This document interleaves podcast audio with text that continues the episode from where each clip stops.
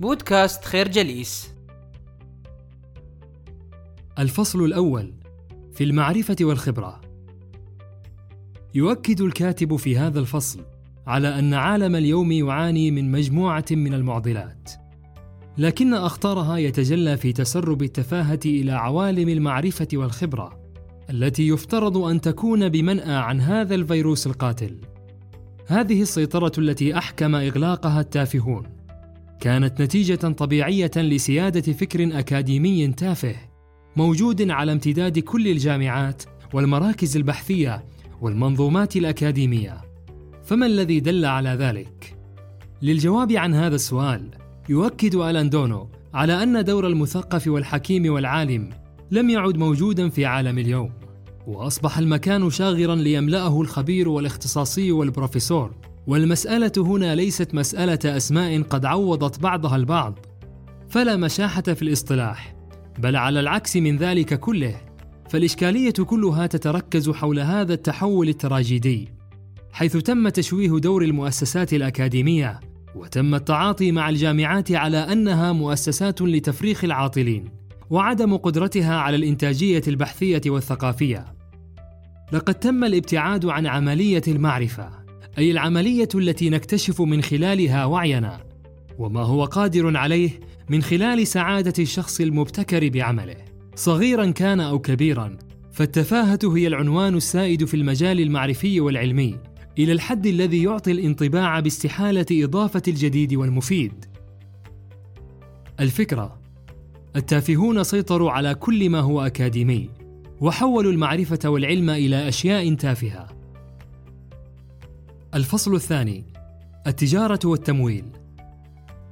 يتحكم الاقتصاد في كل مفاصل المجتمعات المعاصرة، فهو عصب الحياة وقائدها، وبه تتحدد عظمة الدول من وضاعتها.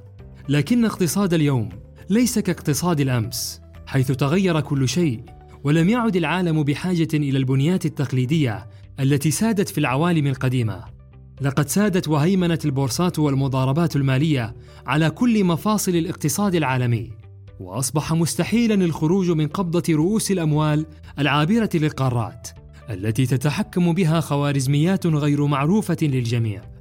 إن المتحكمين بالنظام الاقتصادي المعاصر خاصة في الدول الرأسمالية الكبيرة لا يشكلون إلا فئة قليلة يتحكمون في كل شيء ويحركون من وراء الستار كل شيء دون أن تشعر بهم أو تحدد ملامح وظائفهم.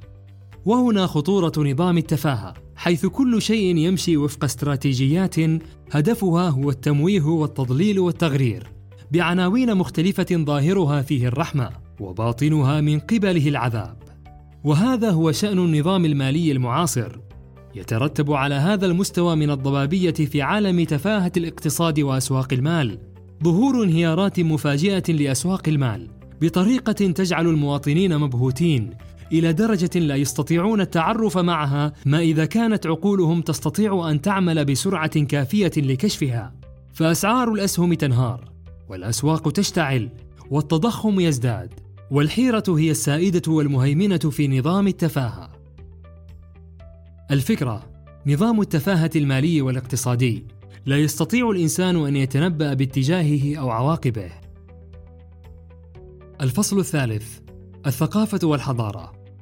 لا يقتصر نظام التفاهة فقط على الجانب العلمي والمعرفي أو في بعض الأحيان التسرب إلى عالم الاقتصاد والمال بل أخطر ما فيه هو أنه بنية متكاملة تتسرب أيضا إلى الموضوعات الثقافية والحضارية وكل الأبعاد الروحية للكائن الإنساني. فالنقود مثلا تخدم الجانب الفني تستخدمه في الآن ذاته لتخبر عن نفسها باعتبارها وسيلة توسطية للتأثير في التفاهة في أعظم حالاتها. فليس هناك مال أو نقود بعيدا عن توجيه الفن والإرث الإنساني إلى الأغراض التي يريدها الرأسمالي. وهنا يفرق الكاتب بين نوعين من الاقتصاد الروحاني والمادي. فالاقتصاد الروحاني يجد أصله فينا كبشر. بألفاظ مثل كوت التأثير أو الاستثمار الغريزي أو عملة المعنى أما الاقتصاد المادي فيتكون من الصفات التجارية الصورة كالشغف المحاسبي والتشريعات المحددة للإنفاق فماذا يعني كل ذلك؟ يعني أن في الأمر نظاما حقيقيا جدا للسلطة إلا أنه لا يترجم إلى أي شكل دستوري أو مؤسسة مدركة في المجال العام أي أن هذا النظام النخبوي سوف يستوعب الأشكال التقليدية للسلطة ويجمع بين ملاك العقار والشركات متعددة الجنسيات. وهذا ما يمكنهم من متابعة عملياتهم المالية خارج نطاق الدولة التي يسود فيها القانون.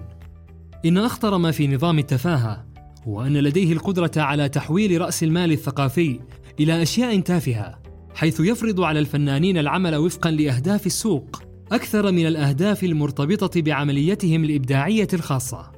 والفنان إن لم يخضع لهذا الترويض فإنه لن يعتد به. الفكرة الثقافة والحضارة في نظام التفاهة تابعة لاقتصاد السوق وما يحدده أصحاب رؤوس الأموال. الفصل الرابع إنهاء ما يضر بالصالح العام.